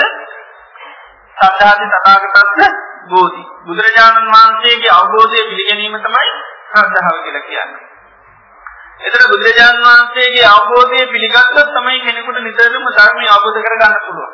ඒතර ඒ මේ උන්වහන්සේගේ ධර්මයේ කෙනෙක් පිළිගන්නේ නැත්නම් එයා කොච්චර දේ කරත් සමන්ලාට අවබෝධ කරගන්න පුළුවන් කමක් නැහැ. විශේෂයෙන්ම දැන් ප්‍රතිපදාව පිළිබඳව ලොකු පිළිගැනීමක් තියෙනවා. ජීවිතය අවබෝධ කරන ප්‍රතිපදාව පිළිබඳ ලොකු පිළිගැනීමක් තියෙනවා. ඒ පිළිගැනීම තිබුණොත් තමයි මේක අවබෝධ කරගන්න පුළුවන්. දැන් ලෝකේ සාමාන්‍යයෙන් ගත්තොත් මේ යථාර්ථය කියන එක මිනිසුන්ට හරි අමාරු පිළිගන්න. යථාර්ථය පිළිගන්න කැමති නැහැ. දැන් ලෝකේ අනිත් හැමදේම ඕනම කෙනෙක් බාර ගන්නවා. නමුත් යථාර්ථය බාර ගන්න හරි අකමැති. ඒ අකමැති නිසාම අපි වැලිපුර යථාර්ථය කියන එක නිතර පාවිච්චි කරන්නේ නැහැ. නිතරම පාවිච්චි කරන්නේ නැහැ. කෙනෙක් යථාර්ථය නිතරම සිහි කරනවා දුන්නොත් අපිට කැමති නැහැ. දැන් අපි ගමනක් යනකොට කිව්වොත් එහෙම දැන් ඔයා ගිහින් එනකම්වත් හිඳින්න නැහැ කිව්වොත් එහෙම කැමතිද? ඈ? එහෙම නිතරම කිව්වොත් එහෙම නේද? දැන් හැමදාම කෝල් කරලා කිව්වොත් ඔයාගේ අත අවසාන දවස් හොඳට පීයෙන් ඉන්න කිව්වොත් එහෙම සාමාන්‍ය මිනිස්සු කැමති නැහැ. නේද? සාමාන්‍ය මිනිස්සු කැමති නැහැ. එහෙම යථාර්ථයේද එහෙනම් පිළිගන්න මිනිස්සු දේශයෙන් කැමති නැහැ. ඒක ධර්ම දන්නා එහෙම කැමති. නමුත් සාමාන්‍ය කෙනා එහෙම දේශයෙන් කැමති නැහැ. ඒතර ඒ යථාර්ථය නොපිළිගන්න ගැතිය තමයි මනසේ කියන එකට තමයි ශ්‍රද්ධාව කියලා කියන්නේ. ඒකයි. දැන් බුදුරජාණන් වහන්සේගේ දේව නිතර දීකල යුතු දේවල්. දැන් ඒතර නිතර දීකල යුතු දේවල් එහෙම අපි දී කරන්නේ නැහැ. දී කරන්නේ නැති හේතුව වෙනකොට මොකද තියෙන්නේ? යථාර්ථය පිළිගන්නේ ඒක පිළිගන්න කැමති නැති ගතියක් තියෙනවා. ඉතින් යථාර්ථයේ ඒතර පිළිගන්නේ ආයේ හැබැයි ඒක බාර ගන්නවා කියපු ගමන් එයා මේ පිළිගන්න නැත්නම් තමයි මම අද විතරයි ජීවත් වෙන්නේ නම් මම අද හොඳට සිහියෙන් ඉන්න ඕනේ. අන්න ඒකයි. ඉතින් ඒ නිසා සාමාන්‍යයෙන් ඒකයි කෙනෙකුට එහෙම කිව්වොත් එහෙම කැමතිද නැහැ. දැන් මම එනකොට සමාජයට මම මේ සමාජයට ආයේ ඉඳන්නේ මේ මේ යන්න පුළුවන් කිව්වොත් එහෙම කැමති නැහැ කියනවා එහෙම. ඒකේ සමාජයට කියව ලොක් කරලා බලා ඉන්නවා ඊට පස්සේ. එහෙම නැත්නම් කියලා අනේ එහෙම වෙන්නේ නැතුන් මං සම්මින් එන්න පුළුවන් කියලා කියනවා. මං කිව්වා යථාර්ථයේ දීකල වෙනම ආශිර්වාද කරන්න කියලා. යථාර්ථයේ වෙනම දීකල ඒතර අනිත්‍ය සංඥා වැඩි වෙන්නේ. අනිත්‍ය සංඥා ඇතුළේ ලොකු විනාශ කල් තියෙනවා. ඊට පස්සේ ඕන ආශිර්වාද කරන්න පුළුවන්. නමුත් සාමාන්‍යයෙන් ගත්ත මේකයි අර යථාර්ථය පිළිගන්න මනස දේශයෙන් කැමති නැහැ. ඒතර මේක ඇත්තටම මොකද අශ්‍රද්ධාව කියන එකයි. ශ්‍රද්ධාව ඒ කියන්නේ බුදුන් වහන්සේගේ යථාර්ථය අපි බාරගන්නේ නැහැ. මේකයි දැන් උන්වහන්සේ ඉන්නෝනේ මේ කෙලීම මිනිසුන්ට යථාර්ථය කතා කරනවා. නෝන එකයි. උන්වහන්සේ කාලේ යථාර්ථය මිනිසුන්ට කතා කරනවා. ඒ නිසා මේ යථාර්ථය අපි ඒක නිතර පිළිගන්න ඕනේ. පිළිගැනීම තිබුණොත් තමයි අපිට ධර්මය අවබෝධ කරගන්න පුළුවන්. ඒ වගේම ප්‍රතිපදාව පිළිබඳව දුරට සද්ධාව කියන එක පිළිගන්න ඕනේ. ප්‍රතිපදාව පිළිබඳව සද්ධාව පිළිගන්නේ නැතුනොත් අපිට මොකද වෙන්නේ?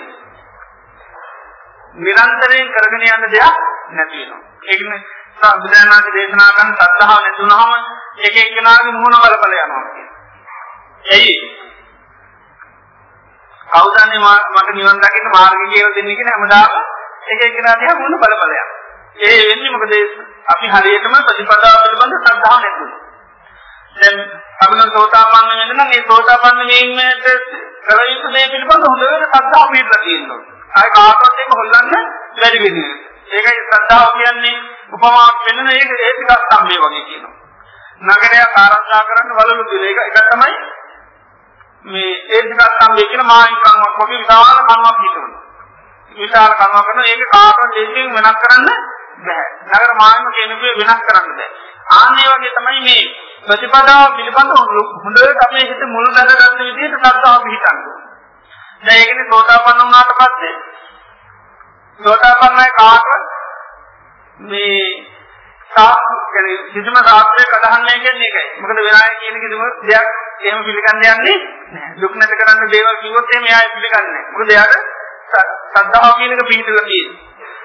ආකාරවතී සද්ධාව තියෙනවා. ඒ ආකාරවතී සද්ධාව දෙනින්ද එයාට ප්‍රශ්නයක් වුණත් ඒ කවුරු හරි මොනවාරි කිව්වොත් වැරදි දෙයක් කියනොත් එයා ඒ කරා යන්නේ නැහැ. ඒ නිසා මේ ප්‍රතිපදාව පිළිබඳව හොඳට අපි සත්‍තාව කියන එක මුල් බැස ගන්න ඕනේ. ඒතර කාටවත් ඒක වෙනස් කරන්න බෑ. ඒක නැත්නම් අපි ඔන්න දෙයක් කරගෙන යනවා. ඒකම යම් මේක පුතින තව කෙනෙක් විශේෂ දෙයක් තව කතා කරද්දී මොකද අපි ඒක දැන්න ඊට පස්සේ අනිත් එක දෙනවා. ඊට පස්සේ මේක ටික කාලයක් කරගෙන යනවා. ඊට පස්සේ තව කෙනෙක් කියලාට තව විදියක් කියනවා. ඊට පස්සේ මොකද වෙන්නේ? අපි ඒක කරනවා. ඊට පස්සේ කොහොමම ඉතින් ගියාම මොකද වෙන්නේ? අපිට අන්තිමට මුල් ගහපු දෙයක් නෑ. ඔක්කොම හදපු ගාක් මොකද වෙන්නේ? මගෙන් මගෙන් ගැලවිලා ගැලවිලා යනවා. ඉතින් ඒ නිසා කරන භාවනා පිළිබඳ දෙන්න නැත්නම් අපි සෝතාපන්න නම් ඒ සෝතාපන්න වෙන්න ඕනේදී අපි කරන්නේ. එතකොට ආය කාගෙන්වත් මේව කරන්න දෙන්නේ අපිට අකණ්ඩව කරන්නයි තියෙන්නේ. ඒක කරන්න යනකොට අපාන්තයන්කට බලන්න ඕනේ හේතු බලන්න ඕනේ මේ මම මෙච්චර කරනවා බැරි. එතකොට අපි ඊට දිහා බලන්න. එතකොට හිත දිහා බලන අපිට වෙනවා මගේ මේ මේ දුර්වලතා තියෙනවා මේ කෙලෙස් ගැට තියෙනවා නැත්නම් සීලයට පාඩුකම් තියෙනවා. එතකොට දුබලතාව පේනවා. ඒකට අපි ඒව හදා ගන්නවා. එහෙම නැත්නම් අපි හිතන්නේ දැන් අපි අහමු කියන්නේ කමඨානම් ගත්තම ඒක වැරදිද අපිට පේන්නේ. එහෙනම් හරියට තාම කමඨාන ලැබිලා නැහැ. එහෙම නැත්නම් නිවන් දකින්න ප්‍රතිපදාව තාම අපිට හරියට අහලා නැහැ. ඉතින් ඒ නිසා අපි නිතර මේකයි පුළුවන් තරම් ආන්න මේ වෙනවා. ඉතින් බලකොච්චරයකට කමන්නේ නමුත් ප්‍රතිපදාව පිළිබඳව විහිදාගත්ත සද්ධාවක් තියෙනවා. මේ දේ තමයි නිවන් දකින්න කරන්නේ. සෝතාපන්න නම් අනිවාර්යෙන් මේ දේ තමයි කරන්නේ. දැන් සෝතාපට්ඨියංග පෙන්නනෝනේ. මොකද සෝතාපට්ඨියංග සද්ධර්මත්වනේ යෝනිසමනසිකාරය, කල්යාණ මිත්‍රත්වය, ධම්මානුගම්ම ප්‍රතිපදාව. ඉතින් දැන් කෙනෙක් සෝතාපන්න නම් අනිවාර්යෙන් ওই කරුණු හතර පරිපූර්ණ වෙන්න ඕනේ. ඒ කරුණු හතර පරිපූර්ණ වුණොත් තමයි කෙනෙක් සෝතාපන්න වෙන්නේ. එතකොට මේ කරුණු හතර පිළිබඳව අපිට අන්න ලොකු පිළිගැනීමක් තියෙනවා. ඊළඟට අපි කමඨානක් වඩනවා නම් ඒක පිළිබඳව ලොකු ශ්‍රද්ධාව පිටවා ගන්න ඕනේ. ඒතර කවුරු කිව්වත් ඒක අපි ඒකෙන් වෙනස් වෙලා යන්නේ, පෙර බහිල වෙලා යන්නේ. ඉතින් ඒ නිසා අර ධර්මයේ පිළිබඳ එකයි ශ්‍රද්ධාව කියන එක ගොඩාක් මුල් බැස ගන්න ඕනේ. එතකොට බුදුරජාණන් වහන්සේ මේ ශ්‍රද්ධාව කියනකොට තෝරන්නේ සත්‍යහති සදාගතස්ස බෝධි. බුදුරජාණන් වහන්සේගේ අවබෝධය පිළිගැනීම තමයි ශ්‍රද්ධාව කියන්නේ. එතකොට ඔක්කොම දේවල් නැතුණාට උන්වහන්සේ ඒකාන්ත වශයෙන් දේශනා කරපුවා කියනවනේ ආ මේ ධර්මතාව පිළිබඳව ශ්‍රද්ධාව පිටව ගන්න. දැන් අපි කවුරුත් කැමති ඉවසන්න. කියන්නේ ඉවසීම දිනු කරන්න කවුරුත් කැමති. දැන් ඉවසීම බුදුරජාණන් වහන්සේ දැන් කපටුපවාදේ ඉරුජෝම දේශනා කරනවා යම් කෙනෙක් කපටුපවාද විතර මේ කරනවා නම් එයාට ඉවසන්න බැරි වචනයක් නැහැ. ඒතර අනිවාර්යෙන් කපටුපවාදයේ කවුරු හරි විතර භාවිත කරොත් එයාට ඉවසන්න පුළුවන්. එතකොට දැන් අපිට මොකක්ද වෙන්න ඕනේ? දැන් අපි මේ පිළිබඳ ලොකු ශ්‍රද්ධාවක් ඇති කර ගන්න ඕනේ. එතකොට මේ ධර්මතාවය දිනු කර ගන්න පුළුවන්. නැත්නම් අපි හැමදාම ඉවසන්නේ කොහොමද කිය අහන්නේ නැද්ද? අනිවාර්යෙන් අහන්න වෙනවා. ඒකයි අපි හිතන නිතරම අනේ මට කේන් කියනවා කොහොමද මම යොදීම ඇති කරගන්නේ කියලා අහන්න වෙනවා. එතකොට ඒකයි සත්‍යාවට පොතර දහම්පදයේ කැවට පස්සේ ඒක මුල් වැට ගන්න ඕනේ හිත. එතන ඒක අමතක වෙන්නේ නැහැ ඊට පස්සේ ඒක නිතර නිතර භාවිත කරනවා. මේක ඒකාන්තයෙන් බුදුරජාණන් වහන්සේ අවබෝධයම දේශනා කරපු එකක්. ඒ නිසා මම මේක ඒකාන්තයෙන්ම නිතරම පුරුදු කරනවා. මම මේක දේ පුරුදු කරොත් ඒකාන්තයෙන්ම මට මේ ලෝකෙ ඉවසන්න බැරි වචනයක් නෑ. ඉතින් ඊට පස්සේ අර සත්‍තහ පීඩුව ගත්තොත් ඒක අපේ මනසින් බැහැර වෙන්නේ ඊට පස්සේ අපිට දිගින් දිගට ඒක කරගෙන යන්න පුළුවන්. ඉතින් සත්‍තහ නොපීඩියොත් මොකද වෙන්නේ? අපිට ටිකාලයක් කරනකොට ආයෙ අපිට කරලා අන්න ඒක. ඒක ටිකාලයක් කරනකොට ආයෙ මතක නැහැ. ඉතින් ඒ නිසා ඊට පස්සේ ආයෙත් අපි ගිහිල්ලා කාගෙන් හරි ආයෙත් අහන්නේ අර කතාවම තමයි අනේ මම කොහොමද ජීවිතේම දිනු කරන්නේ. ඉතින් ඒකයි මේ සද්ධාව ඕනි. සද්ධාව නැතුනොත් ඒකයි බුදුරජාණන් කියන්නේ බණ ඇහුවට අවබෝධ කරගන්න බැහැ. ඒතර මේ සද්ධා වේදෝ ගන්න උන්වහන්සේගේ අවබෝධය පිළිබඳ. ඒකයි උනා අපිට දේශනා ගොඩක් ගන්නකලා කියනකොට මේ බුදුරජාණන් වහන්සේගේ වචනේම ඕනතරම් පිට. ඒතර ඒ වගේ දේශනා ටිකක් හරි අපි කමඨාන් කීපයක් හරි අරගෙන හොඳට සද්ධා වේදෝන අකන්නෝ කරගෙන යනවා. ඒක අකන්නෝ කරගෙන යනකොට ඒතර කාලෙ පුරුදු කරනකොට අපිට අනිවාර්යෙන් අවබෝධය කරා යන්න පුළුවන්. ඊළඟ එක තමයි අච්ඡන්දික භාව. අච්ඡන්දික භාව කියන්නේ හැමත් අදුකම. දැන් මේ හැමත් නැති වුණොත් ඒ මේ ධර්මය අවබෝධ කරගන්න හරි අපහසුයි. කැමැත්ත නැති වුණොත්. කැමැත්ත කියන එක කාම බල සම්පන්නව තියෙනවා. ඡන්දේ කියන එක. මොකද මේ බුදුරජාණන් වහන්සේ ධර්මයේ කුසලයට අකුසලයට මූලයේ හැටියට පෙන්වන්නේ මොකද්ද? ඡන්දේ. ඡන්ද මූලක සබ්බේ ධම්ම හැම ධර්මයකම මූල තමයි කැමැත්ත. ඒතර කැමැත්ත තිබුණොත් තමයි අපි දේවල් කරන්නේ. ලෝකේ සාමාන්‍ය දේවලුත් එහෙමයි. මනුෂ්‍යයාගේ කැමැත්තත් එක තමයි සිද්ධ වෙන්නේ. ඒකයි කැමැත්ත බල සම්පන්න වෙන දේ මිනිසු කරනවා. කැමැත්ත අඩු දේ කරන්නේ නැහැ. ඒකයි. ඒතර ධර්මයේ අපි සාමාන්‍ය උපතින්ම යථාර්ථයේ මේ ධර්මයේ කියන එක මිනිසුන්ට ගොඩාක් අයට කැමැත්ත නැහැ. සුළු පිළිසකට තමයි ඒ කැමැත්ත තියෙන්නේ. ඒ කැමැත්ත තියන අය තමයි අනිවාර්යෙන් කරන්නේ. ඒ ඒ කැමැත්ත හැබැයි දවසින් දවස තාම බල සම්පන්න වෙනවා. බල සම්පන්න වුණේ කැමැත්ත බල සම්පන්න වෙනකොට තමයි මේ මේ ධර්ම මාර්ගයේ යනකොට තියෙන අභියෝග ජය ගන්න පුළුවන්. දැන් බලන්න මේ කය ගත්තොත් එහෙම දැන් බලයකට දෙයකට කැමති නම් කය ගොඩාක් බල සම්පන්න වෙනවද නැද්ද? වෙනවද නැද්ද? වෙනවා. එහෙම ස්වභාවයක් තියෙනවා. දැන් සාමාන්‍ය කෙනෙක් මනුස්සයෝ ගත්තොත් එහෙම අපි කතා කරන එළිය එනකම් බන බනක් කියනවා ඉන්න කියලා. දැන් එහෙම කිව්වොත් ගොඩක් ප්‍රශ්න අහනවද නැද්ද? ඔය අතරේ ටිකක් පන්දිනවද? ඉඳ ගන්න ආසනෙම තියෙනවද? ටොයිලට් පාසකම් තියෙනවද? දැන් ඔය වගේ ප්‍රශ්න ටිකක් අහනවද නැද්ද? ඈ දැන් යාතම ඒ සාමාන්‍ය මනුස්සයෙකුට අපි කිව්වොත් එළිය වෙනකම් සංගීතයක් තියෙනවා කියලා. ඒතර ඔය ඔය ප්‍රශ්න අහනවද? එතකොට ඉඳගෙන කඳුළු ඉඳගෙන ආනේ එහෙම හැකියාවක් තියෙනවා. ඒ බලයේ කයට පීඩන්නේ මොකෙන්ද? කැමැති. අනේක කැමැත්ත බල සම්පන්න වුණ ගමන් මේ කය ඕන දෙයක් කරා අරගෙන යන්න පුළුවන්. ඒක කැමැත්ත අඩු වුණොත් මොකද වෙන්නේ? අර වගේ ප්‍රශ්නයක් තියෙනවා. දැන් අපි භාවනා රිට්‍රීට් එකට යන්න කාට හරි කතා කරනවා. ඒ අය කැමැත්ත අඩු නම් මොකද කියන්නේ? ඈ ඉතින් ඔය ප්‍රශ්න කතා කරනවා. අපි එයාටම සතිය ගියාට පස්සේ විතර කතා කරනවා. මේවට රටවල් කීපයකට යන්න chance එකක් දෙලා කැමතිද? ඈ එහෙම නෙමෙයි මොකද වෙන්නේ? ඒකට එයාට අර තිබුණ ප්‍රශ්න මොකද? නැහැ. අනිකයි.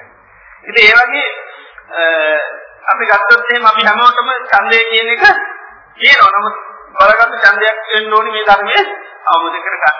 ඒතර ඡන්දය බල සම්පන්න වෙන්න වෙන්න තමයි මේ හිත ධර්ම අවබෝධ කර යන්නේ. ඒතර ඒකයි අපේ කය උනත් අකුසලේදී හරි ක්‍රියාත්මක හරි බල සම්පන්න හැබැයි මේ කුසලේදී යනකොට හරි අකර්මන්නේ. ඒක හේතුව තමයි අර ඡන්දයට. දැන් මම දැන් අපි ගොඩක් මිනිස්සු කට්ටිය දැන් පහන් යනකොට නිින්ද යනවා. දැන් අනිත් වෙලෙ නිින්ද යනවා ටීවී බලනකොට එහෙම. නිින්ද යන්නේ නැහැ. මොකද ඒ කැමති දෙයේදී එහෙම එක නැහැ. එතන සාමාන්‍ය හිත එකයි මේ කුසලයට කැමති නැති ගතියක් හිතේ තියෙනවා. ඒ ඡන්දය අඩකම නිසා තමයි භාවනාවට කිව්වම ගොඩක් නිින්ද යන්නේ. ගොඩක් වෙලා ඉඳගෙන ඉන්න බැරි. ඕකේ අපහසුතාව දෙන මඳුරෝ කනවා තේරෙන්නේ. දැන් වෙනත් කැමති කතාවක මඳුරෝනේ මොනවා වුණත් ගානක් නැහැ. ඉතින් ඒකට හේතුව තමයි මේ ඡන්දේ ස්වභාවය. ඒතර ඡන්දේ කාමල සම්පන්න ඒකනේ ඡන්දේ ඉර්ධිපාදයක් කියන්නේ. ඡන්දේ ඉර්ධිපාදයක්. ඒකයි. ඒ නිසා මේ අචන්නික භාවයේ තියෙනවා නම් ධර්මයේ බුදුන් වහන්සේ කියන අවබෝධ කරගන්න බෑ. ඒ නිසා ඡන්දේ කාම බල සම්පන්න වෙනවා. ඒතර ඡන්දේ බල සම්පන්න වෙන්න මොකද කරන්න ඕනේ? මොකද කරන්න ඕනේ? වචනාකම දකින්න ඕනේ. ඒකයි. ආදීනව ස්වභාවයේ දකින්න ඕනේ ආනිසංස ස්වභාවය දකින්න ඕනේ. ඒතර ආදීන ස්වභාවයෙන් දකිනකොට මොකද වෙන්නේ? ඒ ආදීන සයිතේ අතහරින්න වීර්යය තියෙනවා. ආනිසංස දෙයක් ආනිසංස බලනවා මොකද වෙන්නේ? ආනිසංස ලබා ගන්න වීර්යය ඇති වෙනවා. දැන් වීර්යය කතා කරනකොට බලන්න පළවෙනිද කියන්නේ දැන් අපි සතර සම්‍යක්පදන් වීර්ය තෝරනකොට වෙන උපන්නානං අකුසලානං ධම්මානං පහානාය උපන් අකුසල් ප්‍රහාණය කරන්න මොකද තියෙන්නේ? ඡන්දං ජනේති වායමති විරියං ආරම්භති චිත්තං භරගන්නාත්මද ඡන්දං ජනේති කියන එක කැමැත්ත ඇති වෙන්න ඕනේ. ඒ කැමැත්ත ඇති වුණොත් තමයි උපන් ඔව් උපන් අකුසලේ ප්‍රහාණය කරන්නේ. කැමැත්ත ඇති වුණ නැතුනොත් ඒක ප්‍රහාණය කරන්නේ මොකද කරන්නේ? කියාගන්න. ඒක ඒ නිසා කැමැත්ත ඇති වුණොත් තමයි ඒක ප්‍රහාණය කරන්නේ. කැමැති නැතුනොත් ඒක කීයට තථා වෙන්නේ. එතකොට කුසලයේ ගත්තත් ඒක උපන්නානං කුසලානං ධම්මානං තිතියමම උපන් කුසලයේ මුලා නොවෙන්න නමතක නොවෙන්න තව තවත් වැඩි දියුණු වෙන්නේ කන්දන් ජනේති කැමැත්ත උපදව ගන්න කියනවා. නූපන් කුසල උපදව ගන්නත් එමයයි. අනුපන්නානං කුසලානං ධම්මානං උපාදාය. නූපන් කුසල උපදව ගන්නත් ඒ ඡන්දය ඇති කර ගන්න කියනවා. එතකොට මේ ඡන්දය ඇති වෙන්නේ නිතරම අර ආනිසංස භාවය දකින්න. දැන් බාහිර ලෝකයේ කටයුතු වලට ඡන්දය අවශ්‍යයි. ඒ ඡන්දය අවශ්‍ය නිසා දැන් මිනිස්සු අපි මා පරිහරණය කරන දේවල් නිතර මොකද කරන්නේ?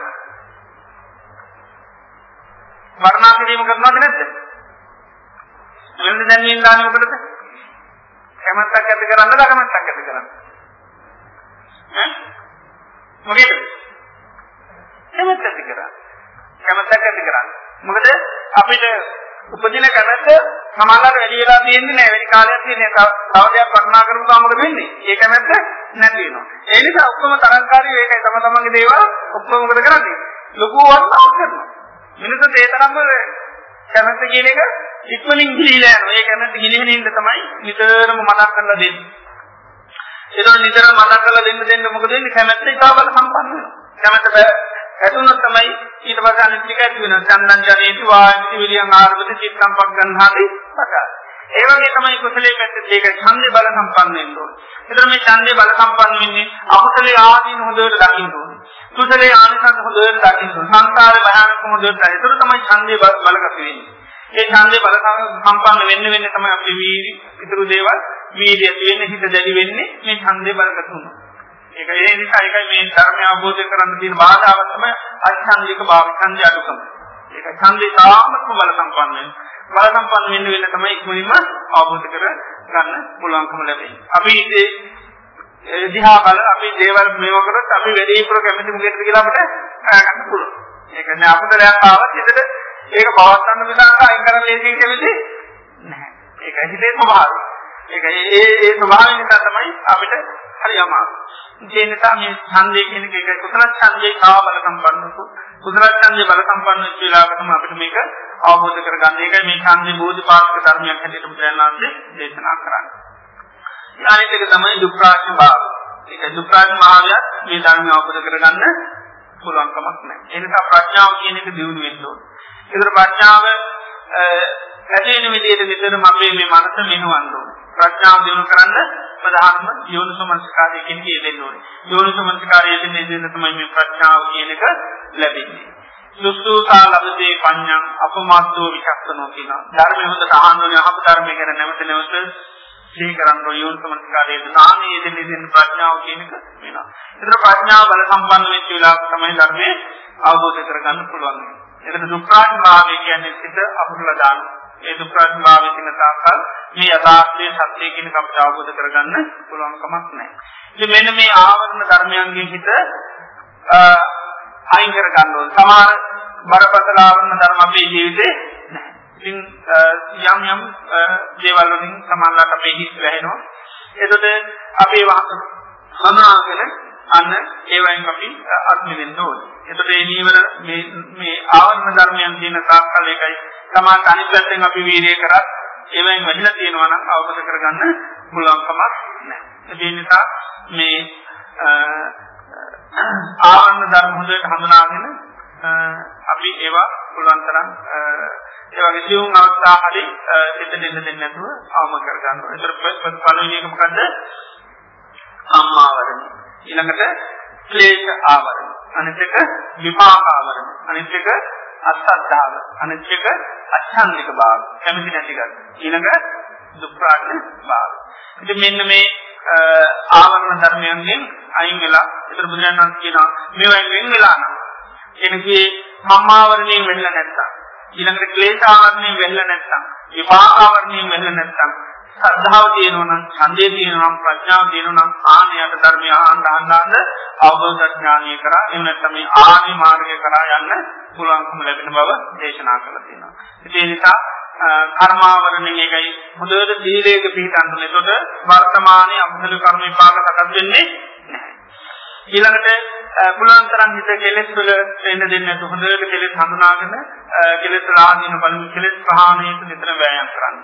අනිත් එක තමයි යම් යම් කර්ම විපාක අපේ ජීවිතේ නෙපුණ හැබැයි ඒකට අපේ හිත යට කරගන්න දෙන්න හොඳයි. ඒකයි අවබෝධ කරගෙන අපි ඒකින් සිත වහගන්න නැතුව අපි ප්‍රතිපදාව කරා යන්න ඕනේ. අනිත් එක තමයි ශ්‍රද්ධාව බල සම්පන්න කරගන්න ඕනේ, ඡන්දේ බල සම්පන්න කරගන්න ඕනේ, ප්‍රඥාව කියන එක බල සම්පන්න කරගන්න ඕනේ. ඒතර මේවා යම් වෙලාවක අපිට ඉතාමත්ම දියුණු මට්ටමකටපත් වෙනකොට තමයි අපිට මේ ධර්මයේ යම් වෙලාවක අවබෝධ වෙන්නේ. ඒතර අපි ජීවිතේ අවබෝධය ප්‍රමාද වෙනකොට අපි බලන්න ඕනේ මේවායින් ඇත්තටම මම වැහිලාද නැති කියලා බලන්න. එතකොට අපිට වැහිලා තියෙනවා නම් අපි කරන දේ අඩුවක් නෙවෙයි තියෙන්නේ. මේකයි කරන දේ අඩුවක් නෙවෙයි. ක්‍රියාව සමාදානයේ කියනවා මෙන්න මේ හේතු නිසා තමයි තම ප්‍රමාද වෙලා තියෙන්නේ. ඒක අර මම මුලින්ම කිව්වේ ක්ලේශ වලින් ගොඩාක් හිත කිලිටුනාම මේ කොච්චර හරියටම ධර්මයේ ඇහුවත් ධර්මයේ මේ අපි භාවනා පිළිතුරක් ඒක වෙලිකල් පවතින කෙනෙක්ගෙන් ලබා ගන්න ශක්තිය බොහොම අවම තමයි ලැබෙන්නේ. ඒකයි යම් දැන් අපි සමාජ කෙනෙකුට හරියම බෙහෙත දෙනවා. නමුත් එයා ගොඩාක් දුර්වලයි.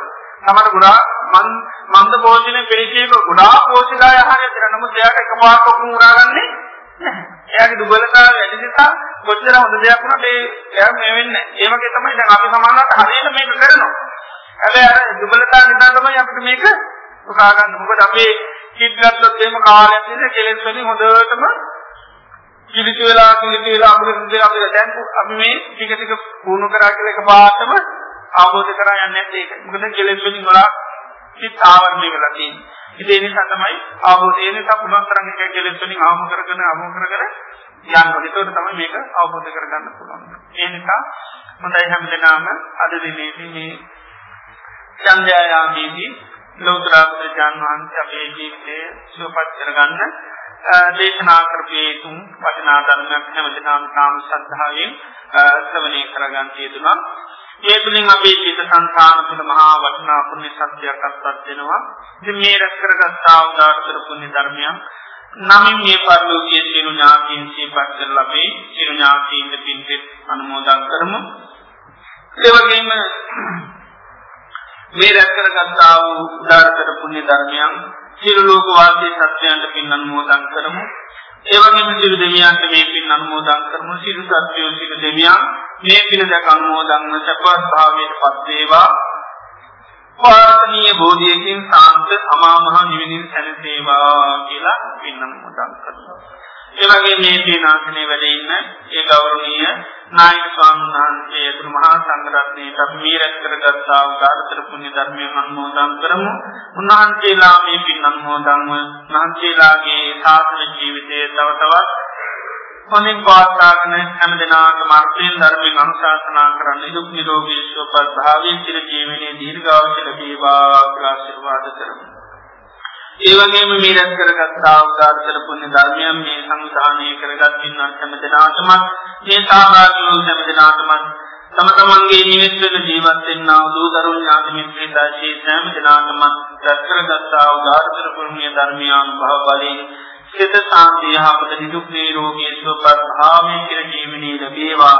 තව තවත් සම්බුද්ධ ශාසනය තුල මෙවැනි උතුම් දානාදී පින්කම් සීලාදී ගුණධර්ම සම දෙපස්සනා භාවනාවන් දිනු කරගෙන මේ ජීවිතයේම චතුරාර්ය සත්‍ය ධර්මයන් අවබෝධ කරගන්න හැම දිනාටම සත්‍ය ධෛර්ය වාසනාව ලැබේවා කියලා ආශිර්වාද කරනවා.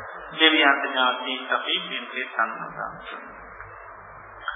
ඉදං හෝ ඥාතිනං හෝතු සුඛිතා හුන්තු ඥාතයෝ ඉදං මේ ඥාතිනං හෝතු සුඛිතා හුන්තු ඥාතයෝ ඉදං මේ ඥාතිනං හෝතු සුඛිතා හුන්තු ඥාතයෝ එත්තාවතාජ අම්මේ සබ්බදං පුඤ්ඤ සම්පදං සබ්බේ දේවානුමෝදන්තු සබ්බ සම්පatti සිද්ධියා නින්තාවතාච අම්මේහි සබ්බදම් පුඤ්ඤ සම්පදං සබ්බේ භූතානුමෝදන්තු සබ්බ සම්පatti නින්තාවතාච අම්මේහි සබ්බදම් පුඤ්ඤ සම්පදං සම්මේ සත්තානුමෝදන්තු සම්ම සම්පatti සින්නියා. ඉමිනා පුඤ්ඤ කම්මේන මාමේ බාල සමාගමෝ. සතං සමාගමෝ තුයාව නිපාන පත්තියා. ඉදම් මේ පුඤ්ඤ කම්මං ආදවක්ඛයාවං හෝතු. සම්ම දුක්ඛා පමුඤ්චේතු තුන්වන්ගේ අනන්ත ගුණානුභාව වලින් කැමතිනාට සිත සාන්තිය යහපත නිදුක් නිරෝගී සුවපත් භාවය ලැබේවා කියලා අපි ආශිර්වාද කරනවා. සම්මීතියෝ විවංජන්තු සම්බ රෝගෝ විනස්සතු මාතේ භවස්වන්තරායෝ සුඛී දීකායුකෝ භව. භවතු සම්ම මංගලං රක්ඛන්තු සම්ම දීවතා.